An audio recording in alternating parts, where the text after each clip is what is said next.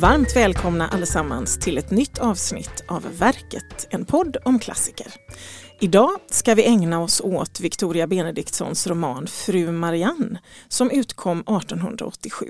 Och med det här avsnittet så gör vi gemensam sak med vår systerpodd Bildningspodden som ägnar ett eget avsnitt åt Victoria Benediktsson som författare och person. Jag heter Paulina Helgesson och med mig i studion idag finns litteraturforskaren Claudia Lindén. Välkommen! Tack! Nu får du presentera dig själv för det är roligare. Ja, eh, ja jag heter då alltså Claudia Lindén. Jag är professor i litteraturvetenskap vid Södertörns högskola. Och jag skrev ett, sista kapitlet i min avhandling som handlar, den handlar om Ellen Key och eh, om Ellen Keys kärlekssyn så använde jag mig just av Victoria Benediktsons fru Marianne. De var också väldigt nära vänner Ellen Key och, och eh, Benediktsson. Så att jag pratar om deras, deras vänskapskärlek tillsammans och om fru Marianne som ett, som en mall egentligen för Keys kärlekslära. Och sen har jag ju sysslat mycket med de här, eller fortsatt att återkomma till de här, får jag snarare säga, de här 1880-talsförfattarinnorna mm. efter det. Tack! Och du gör ju en dubbel insats för Benediktsson för du är ju med i Bildningspoddens avsnitt och pratar om Victoria Benediktsson generellt Precis. tillsammans med eh, litteraturforskaren Birgitta Lindestell. Och det här avsnittet säger jag nu eh, för alldeles säkerhets skull finns att lyssna på på Bildningspodden. Men du och jag, eh, Claudia, ska gräva djupt i Fru Marianne idag och jag tycker att vi börjar med att du berättar lite om eh, romanen. Ja, den är ju då en av Benediktsson skrev ju inte så många romaner men det här är då eh, en och det är en av hennes sista romaner blir det ju väl. Och det är också samtidigt kan man säga en, hennes liksom, vad ska man säga, lite stora idéroman i sin syn på kärleken och äktenskapet och som jag ju då tycker är en Ja, en, en väldigt tydligt kulturkritisk eh, bok om eh, sin tids äktenskapspraktiker så att säga. Och I korthet så handlar den då om, eh, om Marianne som är en ung borgarflicka som en dag, den romanen öppnar med att hon får ett brev av Börje som hon har vaga minnen av att hon har träffat på en fest under sommaren. Eh, som skriver till henne och, och, säger att han, att han friar helt enkelt till henne. Och, eh, och, det visar sig då att han också är ganska rik så att det här blir ett väldigt intressant äktenskap. Eh, då tycker hennes föräldrar som har ont om pengar. Så att när de träffas, men det roliga är ändå att när Börje och Marianne träffas så finns det en, det finns en attraktion mellan dem. Men det är väldigt mycket pengar ändå som leder till att de gifter sig. Och sen så kan man säga att boken handlar om hur de går in i det här äktenskapet på ett traditionellt 1800-talsvis med alla sina fördomar och fantasier från båda håll om manligt och kvinnligt för att sen hamna i en kris. Eh, delvis när hon har en, en kärleksrelation med en annan man och för att sen hitta ut ur det eh, så småningom. Och på slutet då så närmar sig någonting som är mycket, mycket mer en modern jämlik relation där de plötsligt liksom ser varandra för sina riktiga personligheter. Alltså, när jag läste den här romanen så um, hickade jag till lite över att frieriet kommer ju i princip på sidan två. Det är liksom inga, inga preludier Nej, överhuvudtaget. Prelud, verkligen inga preludier. Nej, alltså det är tydligt redan från början mm. att det är en äktenskapsroman, för det ja. kan man ju ändå säga att det är kanske. Um, och jag tänker att vi kan prata lite om de här karaktärerna, för min känsla, och jag vet inte om du håller med om den, är ju att det ganska mycket är triangeldrama det här. Ja, Ja, på sätt och vis är det det. Eller jag skulle kanske eh, på sätt och vis, jag menar, Pauls relation, då, Paul är ju också, han är en väldigt viktig person i boken. Han är Börjes barndomsvän och det intressanta är också att eh, när Börje ska berätta vem han är för Marianne när de sitter då och har bestämt att de ska förlova sig och de blir lämnade ensamma av föräldrarna och Börje vill liksom berätta vem är han. Så berättar han om den här otroligt viktiga relationen i sitt liv och han beskriver Paul som att han är nästan som mitt första, som, det som för andra är deras första tycke. Han säger att Paul är som en flicka, han har liksom tyckt om honom så och Paul är också väldigt feminin i sin person. Men att det här är liksom den, förutom Börjes mamma så är det här den stora viktiga relationen i hans liv. Och när Paul sen dyker upp i romanen så blir han en slags katalysator både för Mar Marians egna känslor eh, visavi Börje och sådär. Så att han blir liksom viktig. Men jag skulle ändå inte säga, han är absolut viktig, han är viktig för intrigen, han är viktig för att få uh, den här relationen mellan Börje och Marianne att, så att säga, stöta på både ett hinder och någonting som utvecklas men jag skulle ändå egentligen inte säga att det är ett triangeldrama utan mer som att han har en funktion i berättelsen. Uh, för det handlar om mm. Börje och Marianne. Och jag tänker om vi börjar lite med eh, Marianne. Vem är hon i romanen? Hon är en väldigt typisk sån här eh, 1800-tals borgerlig 1800-talsflicka eh, av det konventionella slaget. Hon, eh, hon har blivit uppfostrad, hon har inte fått lära sig någonting egentligen. Hennes bröder får gå och studera men det har inte hon fått göra.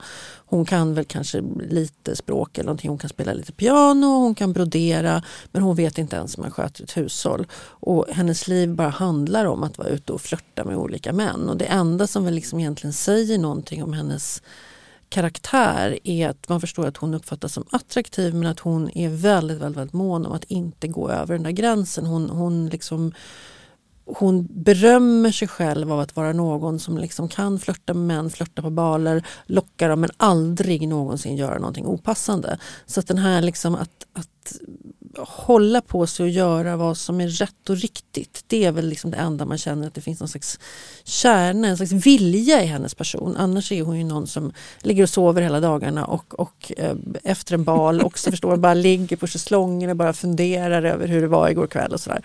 Hon har liksom inte några Alltså till skillnad från eh, Selma i till exempel Pengar som, som är Benediktssons debutroman kan man säga. Eh, som ju är någon som är sportig och ute och rider och vill bli konstnär och läsa böcker. Så, så Marianne läser dåliga romaner för att få tiden att gå. Men hon är liksom inte, hon, hon är inte men den, den flicktypen finns ju absolut i 1800-talsromanerna när de vill skriva fram någonting feministiskt, nämligen den unga kvinnan som går på tvärs mot konventionerna. Men Marianne är inte sån utan hon är typisk, hon är någon som liksom vars claim to fame är att hon är jättebra på att hantera de här konventionerna. Hon låter ju inte som en sådär supersympatisk eh, hjältinna egentligen. Nej, man, nej. nej.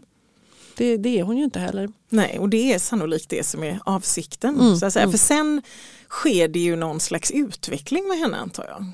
Ja, det gör det och det är ju det som är liksom romanens klo att hon, att hon ju faktiskt eh, förändras alltså väldigt, väldigt, väldigt radikalt. Alltså från det ena till det andra. Det är en 180 graders om, omsvängning.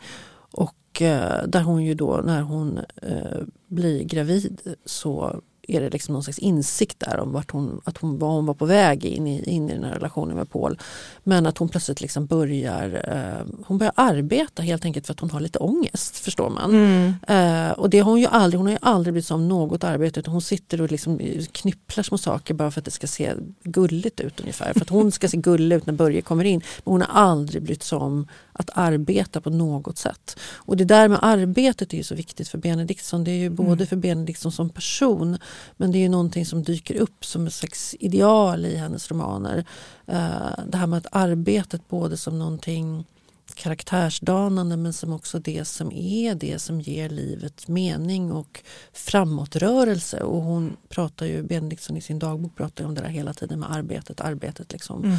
Uh, så att, att jag tycker att det är liksom det viktigaste där man liksom anar bokens vad ska man säga, ideologi. Det är ju det här att Marianne börjar arbeta. Mm. Uh, först med att liksom då sy bebisens liksom utstyrsel men sen så småningom så skapar hon en köksträdgård och hon börjar väva och hon börjar göra saker men att hon, hon börjar liksom jobba hårt och, och finner en mening i det och det är ju det som är hennes liksom utveckling. Men hon börjar så att säga som en ytlig eh, glamourdocka. Mm. Mm. Men Börje, vem är han i detta? Ja, han är ju då kan man säga någon som liksom ligger närmare kanske Benediktssons eget ideal och framförallt ett mans ideal. Även om han har liksom då sina problem. Börje kommer från ganska enkla omständigheter. Men, Eh, men hans pappa måste ha haft pengar på något sätt. Hans, hans, de har liksom vuxit upp som enkla bönder men han har kommit över pengar på något sätt och köpt sig en, en stor gård. Och till skillnad från sin bror som är väldigt mån om att komma upp sig och ha liksom kläder och sådär så är Börje mer mån om att liksom han ska vara liksom närmare liksom folket. Han vill inte ha något, något liksom utan han är någon som arbetar väldigt hårt. Uh, I någon mening skulle man kunna säga att han är bördstolt som bonde. Men han har samtidigt en viss, en viss längtan. Han har en kluvenhet till eh, borgerlighet, pengar och elegans. Uh, och det, det finns någon scen i början han sitter och tittar på Marianne och han ser liksom hur otroligt elegant hon är och att hon representerar liksom en annan värld. Och det är som att å ena sidan känner han sig främmande för henne och å andra sidan vill han ha den där. Och det här att han hela tiden vet att han är den som har pengar, att han kan köpa det här. Och, och han pendlar mellan att liksom vilja köpa det, vilja ha det, stöta det bort ifrån sig just för att han kan köpa det och sen vilja ha det igen. Och någonstans är det här, liksom, hans inre spänning handlar om en, en, eh, en klassosäkerhet, eh, en, kanske en längtan efter att komma någon annanstans klassmässigt och där Marianne är det är där han liksom ger efter på något sätt i det här sin längtan efter en annan klass. Att han vill ha liksom en lyxhustru eh, på något sätt. Ja, för när du beskriver dem så känns de ju väldigt omaka. Mm. Vad är det som gör att de gifter sig egentligen? Men på något sätt så finns det någon skum attraktion mellan dem. Och dels är, och det handlar ju, det, det boken skriver fram så fint är att det handlar om att de båda två är ett offer för ska säga, konventionella erotiska fantasier om den andra. I hans fall om henne som den här liksom vackra hustrun som ska vara mjuk och liksom följsam och, och, och sådär. Och samtidigt i hennes fall då om någon slags, liksom, hon, hon benämner honom då med en, en referens till Jane Eyres, eh, eller till Charlotte Brontes Jane Eyre, att han är som en slags Rochester som ska tämja ah, en slags ah, vild spännande. Rochester. Ja. ja. Och sen säger hon lite senare, han var ju inte riktigt en Rochester, men ändå, men, men den här idén om den här lite liksom någon, någon, en liksom lite hård och karg och brutal man med, med en, liksom en, en anstrukning av våldsamhet men ändå med ett gott inre. Där liksom då Marianne föreställer sig att det är hon som ska tämja. Hon säger det att det vore som att tämja en Rochester säger hon. Så att, eh, de har ju den typen av fantasier om varandra där de också liksom bekräftar varandra. Men sen är det ju då i den här, som du sa, det är en förlovning utan preludier. Och det är en ganska gullig scen precis i början. Han kommer dit på besök, föräldrarna lämnar dem ensamma. Och det blir jättestelt mellan dem eh, när de ska försöka prata med varandra. Och så säger Börje någonting om att ja, men vill du inte så, så får du säga från med en gång. Och, och, och han, så säger han så här att ja, men vi kanske bara ska förlova oss och då blir hon alldeles så här tagen. Och sen så är det hon som till slut när han nästan börjar gå säger men nej, nej, men det här går ju inte, vi kan ju inte prata med varandra. Och då är det som att han lyckas få henne att förstå att men om vi förlovar oss då blir det ju normalt, då kan vi ju prata med varandra. Och sen så bestämmer de det.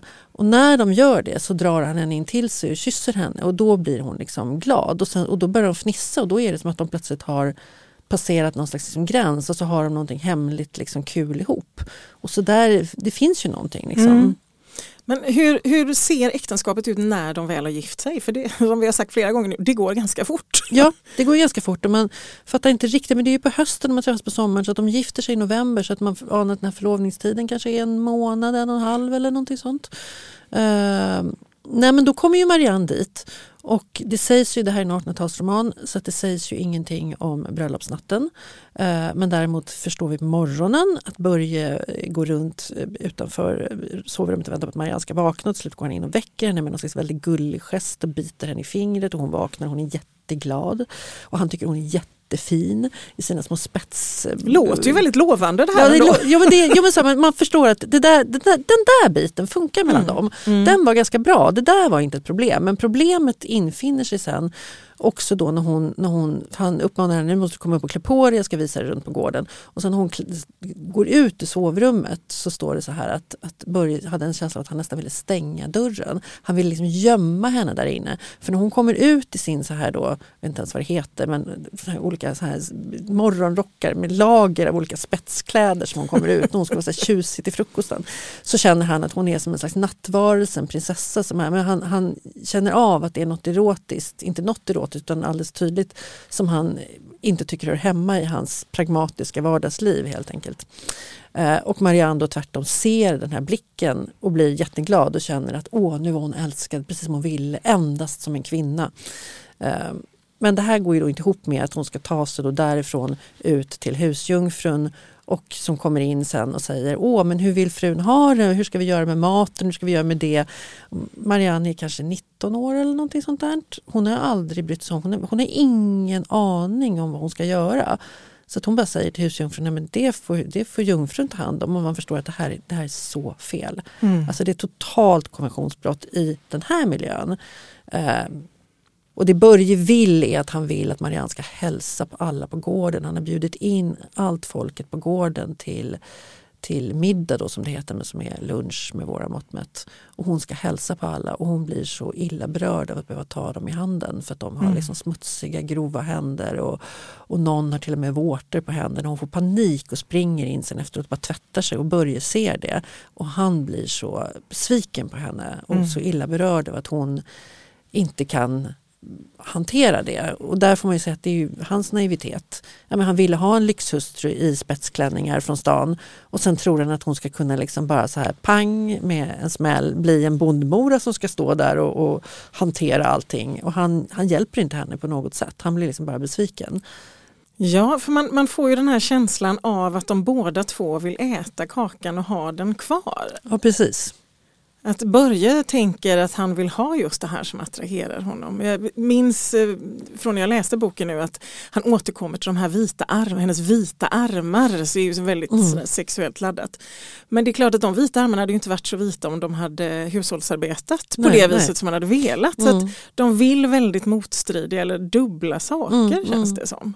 Ja men det är verkligen så att de är, men de är liksom fångade i i den här liksom erotiska fantasin om den andra och samtidigt så vill de ha någonting som också i hans fall så vill han ha liksom en vardagshustru också. Och hon vill ju, hon har ju ganska tråkigt, hon sitter hemma hela dagen och väntar på honom. Hon har liksom trott att han, alltså hon kommer ju från ett hem där män inte arbetar. De kanske drar sig undan i ett arbetsrum men det är för att sitta och läsa tidningen eller någonting. Mm. Men att Börje säger liksom att jag har en tid att passa, jag ska ut och mjölka korna eller jag ska övervaka olika grejer. Så att hon blir sittande själv. Hon vill ju att han bara ska vara med henne mm. och sitta och gosa med henne. Så man förstår att hon ägnar sig också väldigt mycket tid åt att planera för när hon ska få hem honom och få honom att stanna hemma när han kommer in för att äta och såna grejer. Så det liksom, hon har aldrig tänkt att han hon har en man som behöver arbeta på gården. Det ingick inte i hennes plan för hela. Nej, det är mycket sådana saker som inte ingick i, mm. i deras respektive planer. Men och i detta omaka äktenskap, så att när de går in med ganska olika förväntningar och så, men med någon slags underliggande attraktion, så, så dyker Paul upp efter ett tag. Mm. Och vem är han? Alltså Paul är ju då en eh, vad ska man säga, han är en, gammal, han är en barndomskamrat till, till Börje som också är, han är oäkta barn till eh, någon sån här informator på något, något gods som då gjorde pigan med barn och den här informatorpappan dog ung. Och äh, även förstår man även Pauls mamma då har varit ganska fattig men även hon dog rätt ung. Men Paul då, har, då är liksom, han är väldigt späd och väldigt skör men har ett läshuvud. Och då är det som att liksom det är prästen i byn eller något sånt som ordnar så att han får komma iväg och läsa. Så att han får komma till Lund och, och läsa, vilket han också gör. Och, eh, men man förstår att han jobbar sig fram då delvis också själv som informator. Och sen så det som händer i Pauls liv är att precis när han är på väg att bli färdig med sin examen så träffar han en kvinna som har fått något arv, eh, en italiensk kvinna och, och eh, som är lite äldre än vad han är, som han gifter sig med. Och det betraktas då, det tycker liksom Börje, då försvinner han liksom i Börjes liv. Och Börje tyckte att det här att han gifte sig för pengar var något man tyckte var problematiskt. Och likaså att han aldrig gjorde färdigt sin examen. Han hade liksom typ bara en termin eller några månader kvar på sin examen. Så bara lämnade han alltsammans. Uh, ehm, och Paul är då också, har alltid varit väldigt uh, haft ett starkt skönhetssinne. Han är väldigt späd, väldigt skör, men tycker om vackra saker. Han gick alltid omkring i en, i en sammetsblus när han var liten, ända tills den liksom slets ut. Och när han nu dyker upp igen i historien så har den här frun dött och sedan två år tillbaka och vad han har gjort under de två åren vet man inte riktigt. Men han kommer då tillbaks till Sverige och har egentligen inte så många andra vänner men liksom längtar efter någon slags trygghet och slår sig ner och tror att Börje fortfarande är ogift och tänker att ja, men jag kan väl jag kan väl hänga med min kompis Börje på hans gård. Eh, och så kommer han dit och förstår att Börje har gift sig. Eh, men Börje blir väldigt glad över att han kommer och Marianne som ju på något sätt har förstått att han är viktig och tycker också då att det här liksom att Paul representerar ju någonting mer som hon är bekant med. Så att hon tycker att det är ganska spännande att Paul kommer så att de övertalar honom att stanna. Och, eh, då, och det gör han. Och det gör också det att han jobbar ju inte i, på gården utan han inreder några rum där väldigt tjusigt och Marianne förstår att han ju kan mycket mer om vad ska man säga, om estetik, alltså heminredning, snygga kläder, han har varit ute i världen så han gör henne nervös för han kan på något sätt allt det där som hon vill kunna. Men som hon aspirerar på och samtidigt är det då det som är rörande är att han tycker så otroligt mycket om Börje. De har en så nära relation så att Marianne får liksom syn på Börje via Pauls kärleksfulla blick. Som att när hennes bröder har varit där under sommaren då har Marianne liksom varit så hon känner hela tiden att de tittar lite ner på Börje så att hon vågar inte riktigt visa att hon är kär i Börje. Eh, Medan alltså att nu med Paul så är det som att hon nästan blir förvånad över hur Paul prisar Börje. Så det gör att de hamnar i en väldigt, liksom, det är en liksom mysig liksom, trekantsrelation där, där liksom då Paul och Marianne sitter och pratar och läser böcker under dagarna och sen så träffar de Börje på kvällen och, och, och Paul han spelar schack och sånt där. Men att de just också då via, via den här liksom kärleken som Paul eh, hyser för Börje och Börje för honom så blir det som en slags liksom, intim gemenskap mellan de tre. Liksom. Eh, men som sen då övergår till en, som det heter på 1800-talsspråk, en flörtation med Paul när han plötsligt då en vacker dag liksom tittar på Marianne på ett speciellt sätt över schackbrädet och hon blir liksom alldeles så här, oj, till sig. Och sen inleder de någon liten flört. Ja, alltså, för det är inte så mycket som händer egentligen utan det är mest att de tittar på varandra och eh, trycker varandras händer väldigt intensivt. Ja. Men det är som att de, nej men det, det händer ingenting eh, egentligen. Men jag tycker ändå att det går, man behöver inte bara tänka att det är en 1800-talsroman. De har liksom gått över gränsen, de vet mm. båda två att de har gått över gränsen. De håller på med någonting hemligt bakom Börjes rygg. Uh, och de vet det. Och de vet att det är förbjudet och de vet vad det kan leda till. Och sen så, så måste Paul resa iväg. Och då så slutar det med att han i princip eh, ja, han kysser Marianne på halsen och sen så utlovar du ett löfte om att, liksom att när jag kommer tillbaka då ska vi liksom ha en relation. Uh, men det som då händer är att hon upptäckte att hon är gravid uh, under tiden. Mm. Och som hon själv säger att det var ju bara en slump att det var Börje som var pappa till barnet. Det hade lika gärna kunnat vara hade han åkt några dagar senare så hade hon förmodligen hamnat i säng med Paul och då hade hon inte vetat vem som var pappa till barnet eller han var pappa till barnet. Men i alla fall det gör att hon då tar avstånd från Paul. Och, eh, och han blir då besviken på henne för att han tycker att hon är Jag tror inte hon berättar att hon väntar barn. Nej, alltså jag har att, inget inte för nej, Paul. Inte nej. för Paul, nej, precis. Så han uppfattar henne bara som att hon har blivit liksom pryd och ångrat sig. Um, och tycker att hon är liksom onaturlig. Men det som händer rent konkret är att han lämnar gården och sen så en kort tid senare, eller jag kommer inte exakt ihåg hur lång tid det går, men något halvår senare får de veta att han har tagit livet av sig. Så att Exit Paul, eh, mm. det som var liksom det, både det homoerotiska och det, det liksom förbjudna kärleksbegäret liksom försvinner ur berättelsen. Det är därför jag menar att jag tycker egentligen inte mm. riktigt att det är ett triangeldrama utan han kommer in som en motor för att driva mm. på någonting och sen så då passas han ut när han liksom inte längre behövs på något sätt i handlingen. Ja. Men han är, väldigt, han är väldigt viktig i handlingen. Mm. Alltså jag upplever ju när jag läste den här romanen att det, det, den säger en del saker under ytan om manligt och kvinnligt just därför att Paul är så någon slags, han är både man och kvinna på något sätt, stämmer mm. det? Ja, ja men det kan man väl säga. Eller framförallt att jag, det är svårt att säga vad Paul är men han spelar funktionen delvis av både man och kvinna eftersom det är så tydligt för Börje att han är någon som, som har varit liksom, alltså väldigt viktig och att, och att han i, vad ska man säga, Börjes kärlek till Paul är också det som är Börjes egen inre sanna goda kärna. Det är också så som det är liksom viktigt. Eh, för att han, han, det som annars är liksom lite störande i Börjes karaktär, den här vad ska man säga, klassproblematiken och allt det här. Det är som att inför Paul så känner han bara ömhet. Han säger det någonstans också att Paul vill ju ha allt det här, liksom det här vackra och estetiska och det som han skulle tycka var liksom ytlig flärd hos någon annan tycker han bara han tycker det är fint hos Paul. Han känner bara att han vill att Paul ska få det. Så att i ömheten och kärleken till Paul så är det som att Börje också har det som han sen kommer kunna föra över till Marianne. Det är i den erfarenheten han kan hämta vad verklig kärlek är. För det han känner för Marianne är ju egentligen bara en erotisk attraktion. På samma sätt som det som hon känner för honom är. Alltså de är de gillar varandra men, men liksom, de, de förstår sig inte på varandra, de känner inte varandra. De, vilket betyder att de älskar inte varandra. Men Paul älskar, eller Börje älskar Paul på samma sätt som Paul älskar Börje. Så där finns det liksom en slags mall för hur liksom riktig på något sätt respektfull kärlek kan vara. Jag tänkte ju, när jag läste om Paul så tänkte jag väldigt mycket på att det här var, eh, som man gör då med, med historiens glasögon på sig, en Oscar Wilde person. Mm, mm. Väldigt tydligt, den här fokuseringen på skönhet och det Mm. estetiska. Ja men det är det nog också. Det är nog kanske tänkt att det ska vara en så. Nu ska vi dock komma ihåg att det här är ju då 87 så Mm. det är ju ganska långt för Oscar Wilde-rättegången är det 12 år innan. Så det Ja, har ja. liksom inte, och det är ju först med de rättegångarna som, eh, vad ska jag säga, den här också kopplingen av homosexualitet Mm. till, eller samkönat begär kopplat till en viss typ av estetik Mm. eller litterär hållning blir, blir liksom en offentlig kännedom.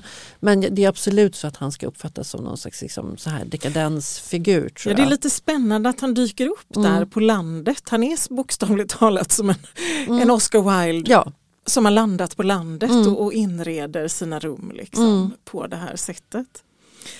Men det, någonting som jag tänker att vi måste prata om det är ju det här med Marians romanläsning. För det upptar ju en inte helt oviktig del av boken, nämligen att hon förläser sig på romaner. Mm. Du måste berätta lite om det. Ja, nej men och det är ju det som har gjort att den har kallats för en eh, Madame Bovary i liksom bondemiljö eller sådär. För att hon läser ju då, hon har ju ingenting att göra på dagarna eftersom hon inte innan hon börjar då arbeta. Så att hon sitter ju och bara läser romaner och vad man förstår då, trots att jag som kan 1800-talet bra så är det faktiskt liksom så här referenser till det nämns några författarnamn som jag har aldrig hört talas om dem. Så vi förstår att vi är liksom nere i den undre liksom regionen av ja, men så här populärförfattare. Ja. Liksom, var det, det är svårt att säga vad det var som skulle kunna vara sådana idag. Men alltså sådana där som ges ut som folk läser, det är säkert stora upplagor men som inte är så märkvärdigt. Det har inte liksom gått till, till litteraturhistorien. Men, men sådana med romantikskildringar är det som hon sitter och läser. Och när Paul kommer in så, så börjar han ju då hon förstår ju att det här är fel slags litteratur så då börjar hon ju liksom läsa och då nämns plötsligt Baudelaire och så nämns andra saker. Så att han läser ju också den här typen av liksom, Mm. framförallt franska dekadentförfattare. Eh, men det står ju samtidigt att det inte egentligen påverkade hennes hennes liksom själ så mycket. Så att hon, trots att hon då börjar läsa den här Mm. bättre litteraturen så tar hon egentligen inte intryck av den. Men det förekommer ju många såna här roliga formuleringar också av att hon eh, då att hon liksom när, under i början av äktenskapet innan Paul har kommit in när hon håller på att jobba med det här med att få Börje att vara hemma hela tiden. Mm. Eh, att hon ju liksom skriver på sin roman och sen ju mer han är ute så var det som att nu fick det liksom också hennes, den här, hennes livsroman, nu fick den plötsligt ett, ett ytterligare moment, den fick nämligen spänning. Det vill säga kommer hon få hem honom och få honom att stanna hemma med henne i sängen på eftermiddagen och skolka från övervakandet av vad det nu kan vara för någonting skördandet, liksom mjölkning eller någonting, ja, kvällsmjölkningen. Ja, så att, men då beskrivs det som att det, är liksom det, att det plötsligt var liksom ett nytt romanelement. Så att hon, hon beskriver ju sitt eget liv i romantermer. Och sen är det ju ganska roligt då för att eh, på slutet då när hon, eh, eller när hon då börjar förändra sig så går hon ju in till Börje, för i Börjes rum så finns det ju inte så mycket romaner. Börje läser förstår man, men han läser mycket fackböcker. Mycket som har att göra med gården men även andra saker. Men hon går in till Börje och lånar en bok som är en bok av Darwin om myror tror jag. Eh, men som hon börjar läsa, det vill säga att hon börjar läsa vetenskap. Mm. Så det är då att hon, liksom, när hon, liksom, på något, hon längtar efter att läsa någonting men hon, hon kan inte riktigt gå tillbaka till de här romanerna när hon har blivit förändrad. Så att, och det, det tycker jag också är en sån här kul markör för att fortfarande 1887 så är ju Darwin ja, lite kontroversiell. Så att hon Mm. låter liksom Marianne sätta sig och läsa Darwin med allt vad det innebär av kristendomskritik och liksom sådär tycker jag var, var roligt. Ja, jag blir lite nyfiken på vad Benediktsson vill säga med den här Alltså, är det kritik av en viss sorts litteratur? Det här med att Marianne blir liksom helt fördärvad av att läsa sönder sig på alla de här fluffromanerna. Eller vill hon göra det mer till en psykologisk grej, det här med vad läsningen fyller för funktion? Jag liksom ser inte det riktigt. Har du någon teori om detta? Så jag tror att det är båda delarna. Um, och uh, jag tänker på jag tänker på, det finns i, i en av Jane Austens tidiga romaner, den här Northanger Abbey, så finns det så här underbart försvar för Mm. romanläsandet. Att, att kvinnor liksom lär, för det var ju någonting som man klankade ner på att kvinnor läste romaner och man var rädd att de skulle bli förförda av romanerna. Antingen att de skulle bli lite korkade men man, man var egentligen ännu mer rädd att de just skulle få liksom idéer om äktenskapet eller kärleken eller någonting sånt. Och samtidigt så fungerar ju många romaner som också någon slags feministisk kritik av äktenskapet. Men att jag, det med att Jane Austen försvarar just romanläsandet och säger någonting om att men vad vore det om inte liksom en, en hon säger att det är något så konstigt med romanförfattare som själva skyller på romanen. Vad vore det om inte en romanhjältinna i en roman försvarar hjältinnan i en annan roman, säger hon. Och jag uppfattar att det är lite det som, och Fredrika Bremer har något liknande sådär också i familjen H där hon också försvarar romanläsningen. Att, att här är det ju som att hon det är nog inte fel att läsa, det är inte fel på romaner utan det är delvis fel på vad hon läser men framförallt hur hon läser. Att mm. hon, läser inte för, hon läser inte för kunskap och det är det som händer plötsligt på slutet när hon läser Darwin. Hon läser inte ens, när man läser en roman för kunskap eller mm. för sanningen eller någonting sånt. Benediktsson hade ju en otrolig sanningslidelse. Så är det någonting annat. Men Marianne läser för att, för att glömma och för att försvinna och för att få tiden att gå till ingenting. Eh, det vill säga att hennes typ av romanläsning matchar liksom inte den här idén om arbetet. Men när man arbetar och sen läser romaner som på något sätt är en del av ett själsligt arbete, då är det någonting mm. annat. Ja, för att hennes, eh, hennes läsning det beskrivs ju nästan i termer av att det är ett missbruk. Liksom. Ja. Hon knarkar romaner. Hon knarkar romaner, det är precis det hon gör. Hon knarkar romaner som man knarkar dåliga tv-serier ja. eller någonting annat. Liksom. Jo, men det, det, hon bingear eh, ja, dåliga romaner. Hon binge, det är exakt precis det hon gör. Hon bingear dåliga romaner. Hon, får ju också, hon har ju tråkigt. Liksom. Uh, och det är ju det Benedikt som vill på något sätt också visa att den här liksom, otroliga meningslösheten och innehållslösheten i ett traditionellt borgerligt kvinnoliv. Uh, för Marianne sitter ju själv först och är väldigt nöjd och tycker mm. hon sitter i sin lilla boudoir. Hon läser de här romanerna då som är så att säga helt ofarliga okej. Okay. Och så sitter hon med något litet knyppel uh, och tror att Börje ska tycka att hon är så här, att hon känner sig att hon var en duktig fru för att hon mm. sysselsätter sig med det här knypplandet. Hon fattar inte att Börje tycker att hon är helt meningslös. Varför kan hon inte gå ut och ta reda på hur det ser ut i visthusboden istället. Liksom. Uh, och det är det här som Benedikt som vill få fram, att visa att mm. det är en mm. sysselsättning som, är, som inte kan leda någonstans. Alltså den producerar ingenting riktigt. Hon sitter och gör antimakasser och till slut får hon ju liksom själv säga att hon inte vet vad hon ska göra med alla de här antimakasserna. Alltså antimakasser var ju då såna här små eh, virkade grejer som fruarna gjorde på den tiden som skulle ligga ovanpå fåtöljen så att när mannen med sitt pomaderade hår lutade sig bakåt så skulle det inte bli fläckar på stolstyget. Liksom. Och såna här producerade de i partier med ut. Och det är som Ellen Key säger att hon säger att en, en, en, kvinna gjorde bättre, använde sin tid bättre om hon sov bort den än att ägna sig åt såna här meningslösheter. Ja, man har svårt att se hur det här med att göra antimakassrar eller vad man nu säger ja. plural kunde ja. liksom fylla livet. Vad är det Benediktsson vill säga om äktenskapet i den här romanen egentligen? För att det är ju en äktenskapsroman men hade Benediktsson någon agenda? Ja det hade hon ju absolut. Uh, flera agender hade hon ju med den här skulle jag tro. Eller, ja. det ena är ju liksom det att även om hon inte tar öppet ställning i sedlighetsdebatten så är det ju ändå ett sätt att försöka säga liksom att det här med Ja, att till exempel vara helt sexuellt oerfaren och inte veta någonting kanske inte så bra. Nu är ju då inte sexet ert problem, det är inte, det, är inte, det, är inte det här, det är inte det vanliga problemet att hon blir chockad på bröllopsnatten eller någonting sånt. Men det är ändå det här att hon är så ovetande på något sätt. Hon är det här att hålla unga flickor i ovetskap om livet i, i stort. Liksom. Allt ifrån vad, vad det innebär att sköta ett hushåll till liksom allting. Att det, det är någonting konstigt när man liksom uppfostrar unga flickor till att bara sitta och ha romantiska fantasier som möjligtvis motsvarar de första veckorna på smekmånaden men ingen idé om vad som kan ge ett liv, ett innehåll. Och har de då tur så hittar de det men annars. Så att, men det är det hon eh, kritiserar.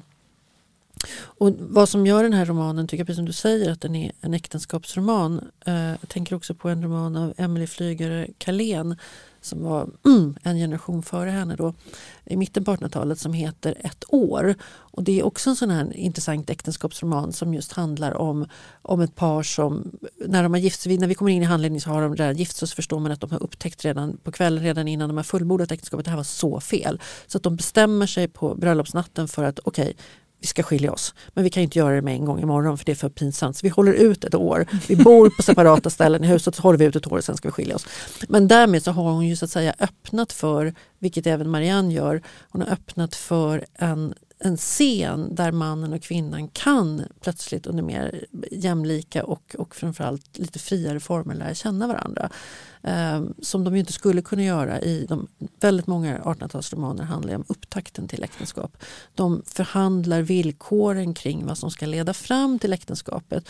Vilket ju ofta då innebär att mannen måste eh, liksom tolerera en friare och självständigare kvinna. Och så, men vi får liksom inte se hur det går. Men genom att förlägga handlingen till äktenskapets början så skapar det ju en möjlighet i den här 1800-talsmiljön att låta två figurer Dels faktiskt, i Emelie Flygare Carléns roman så har de inte sex, det har de ju här. Men, mm. men, men att de kan plötsligt de kan röra sig helt fritt, de kan prata med varandra när de vill, det är ingen som övervakar de får vara själva i samma rum. Därmed så kan liksom alla typer av känslor och liksom konflikter och allting kan liksom spelas ut mellan de här människorna på ett sätt som de aldrig skulle kunna göra innan de hade gift sig. Det lät som en ganska radikal intrig ändå. Ja, för, för den tiden. Ja, ja, men det är, Flygare Carléns. Ja, absolut. Nej, men det, är det är en radikal intrig och det, det tycker jag att det är även här. Att det, det är så att säga att förlägga handlingen till, liksom, och det är därför som du säger att det inte är några preludier. Det är inte, hon är inte intresserad av preludierna. Hon är intresserad av liksom att skapa en handling där två personer nästan inte känner varandra alls. Men plötsligt befinner sig i en situation där de faktiskt där de ska agera mot varandra i denna okunskap men samtidigt är fria att göra val. Vilket de inte skulle varit eh, pre-äktenskapet så att säga. Alltså, vad, vad, tänkte den läsande och kritiska samtiden om den här romanen? Vad fick den för mottagande? Alltså, den fick ett ganska dubbelt mottagande men det var ju då att många uppfattade den ju som att den var Um, Benediktsson hade ju så att säga ett, ett, ett, ändå ett rykte, inte som fullt så radikal som Leffler eller så, men som ändå var på den här lite mer radikala eh, sidan. Och då gjorde att många kom uppfatta den här som att den hade blivit mer konservativ och att hon då hade liksom, just därför att hon inte, att Marianne inte skiljer sig och gifter sig med Paul istället. Eh, utan att hon liksom förblir i äktenskapet uppfattades som ett argument för mer traditionella äktenskap. Man såg inte riktigt hela post-Paul-biten, vad den innebär. Nej. Utan man såg bara att okej, okay, hon skiljer sig inte. Eh, och sen var det naturligtvis många andra som tyckte att, den, att, den var, en, att det var en bra roman också. Att, och, och inte minst liksom de då som kanske var lite mer konservativa, att den ändå då förordade ett äktenskap. Så, men jag tyckte nog inte riktigt att någon i samtiden, så den fick inte riktigt det mottagande som den förtjänade. Och, det, och jag menar, den fick ganska hård kritik av av Georg Brandes bror då, Edvard Brandes som skrev att det var en dameroman vilket då innebär att han, att han då just uppfattade det som en lite mer så här, ja, en romantikroman mm. av det lättare slaget. Uh, så jag, det var väl en del av, nu ska man inte säga att det var skälet till att hon tog livet av sig. Men, men besvikelsen, för hon hade ändå samlat mm. ihop sig. Till, det, var en, det var en stor satsning och det är en väldigt välskriven roman. Och att den, den, den liksom sköt förbi målet på något sätt i samtiden just när man läser den med moderna ögon, jag tycker att den vibrerar av massa saker under ytan mm. som är så spännande och jag kan ju förstå att man ser ju sällan sådana saker i sin egen samtid. Men det känns ändå som ett, ett ganska orättvist omdöme att avfärda det som en, en damroman, ungefär mm. som någon av de romanerna som Marianne läste. Mm. Ett skäl tror jag som till att den kan, man kanske inte riktigt uh, förstod den är ju också att um, det här som vi var inne på tidigare med hur hon skapar sin hjältinna. Att hjältinnan är ju liksom inte den kloka smarta. Det är liksom inte självklart var i romanen vad ska jag säga, författarrösten eller, eller liksom den ideologiska budskapet ligger. Och det är ju för att hon har förlagt väldigt mycket av det här egentligen till, eh, till männens repliker. Och det är ju Börje som då i en scen där när Paul inviger sina rum och de går dit och, och vad heter det, Marianne har klätt upp sig och, och för att hon vill imponera på Paul. Och eh, hon ser på Pauls blick att han inte alls låter sig imponera så hon är helt förstörd och bara sitter och bara så här, vad det här var fel. Ja, och de kommer att börja prata om, om kärlek och, och sådana här saker och lite om Pauls eh, liv. Så då är det ju Börje som får plötsligt säga vad riktig kärlek är. Att säger man att han säger liksom att har man haft för många ytliga relationer och så här då blir man ju till slut liksom som att man blir liksom delad som en själ som de här små horokruxerna som Voldemort delar, han säger inte det, men att han, liksom, han säger någonting om att man mm. delar, man delar ut sin själ i små portioner och till slut finns ingenting kvar. Och han har ett, liksom ett försvar för den här för kärleken som någonting eh, stort och också subjektskapande. Att det liksom, kärleken är inte bara någonting som man har, det är inte bara njutning utan den stora kärleken är också någonting som skapar liksom jaget. Och att det är bara genom att liksom på något sätt fokusera jaget kring liksom en, en, en kärlek som är en själ som möter en annan själ till liksom en person som det egna liksom jaget kan växa. Och det här är ju liksom på något sätt det är i Börjes replik som mm. hela romanens kärleksetos egentligen ligger. Men som sagt Börje får säga det Medan Marianne, det är liksom en scen där det händer massa andra saker och det är inte, det är inte Marianne som säger det här. Det är inte hon som står som, som Jane Eyre och har liksom en, en monolog Nej. i regnet. Utan, utan Börje muttrar fram det här i en scen som handlar om en massa andra grejer och samtidigt är det jätteviktigt. Ja. Och det är så eh, så det är så romanen är liksom hela tiden uppbyggd. Jag tror att det gjorde att det var lite svårt att förstå. Just för mm. det, är inte Marianne, det är inte Marianne som säger de här grejerna.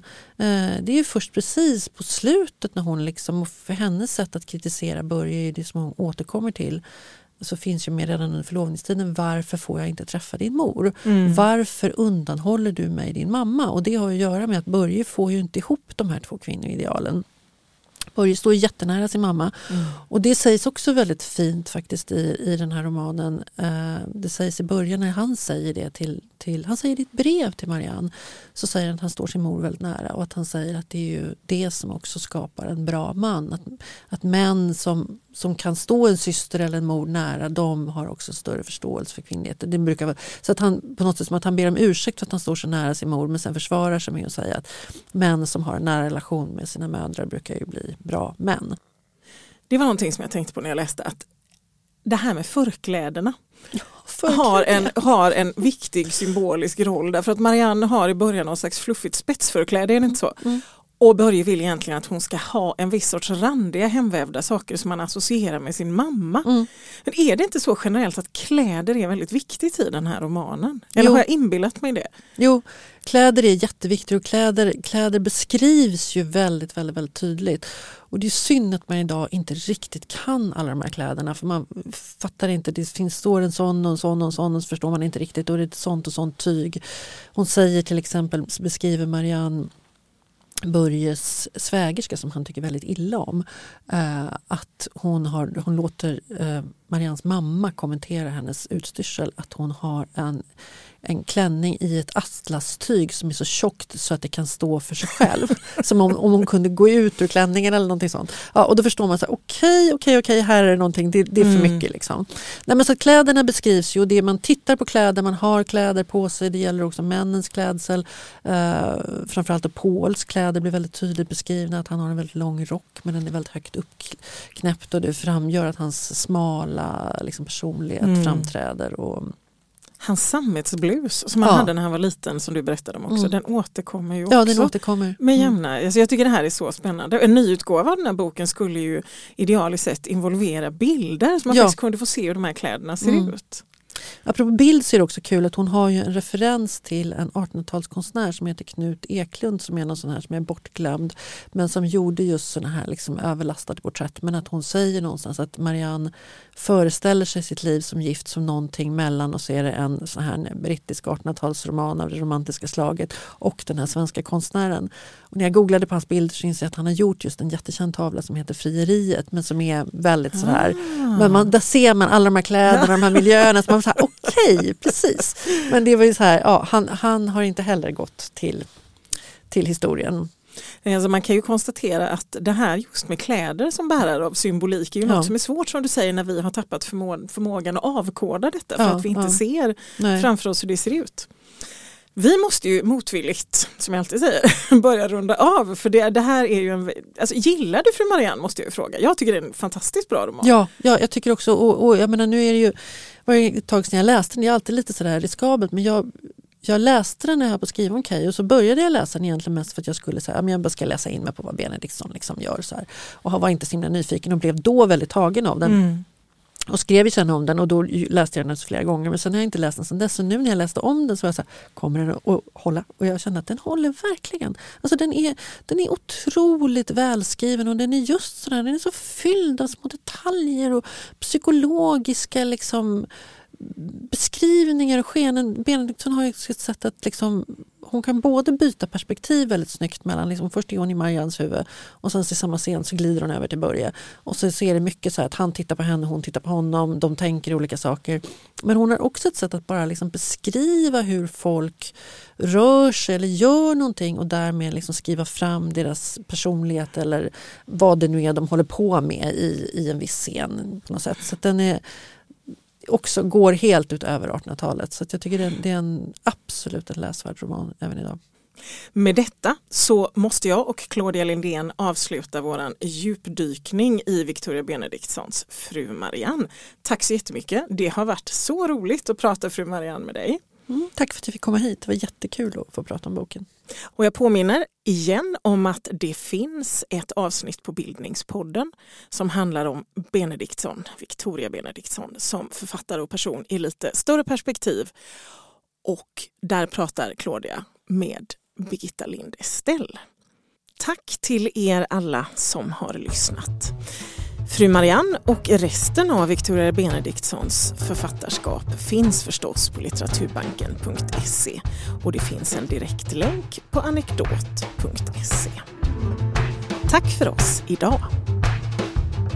Du har lyssnat på Verket, en podd om klassiker producerad av bildningsmagasinet Anekdot i samarbete med Nationalmuseum och Litteraturbanken. Alla avsnitt samt fler poddar, filmer och essäer hittar du på anekdot.se.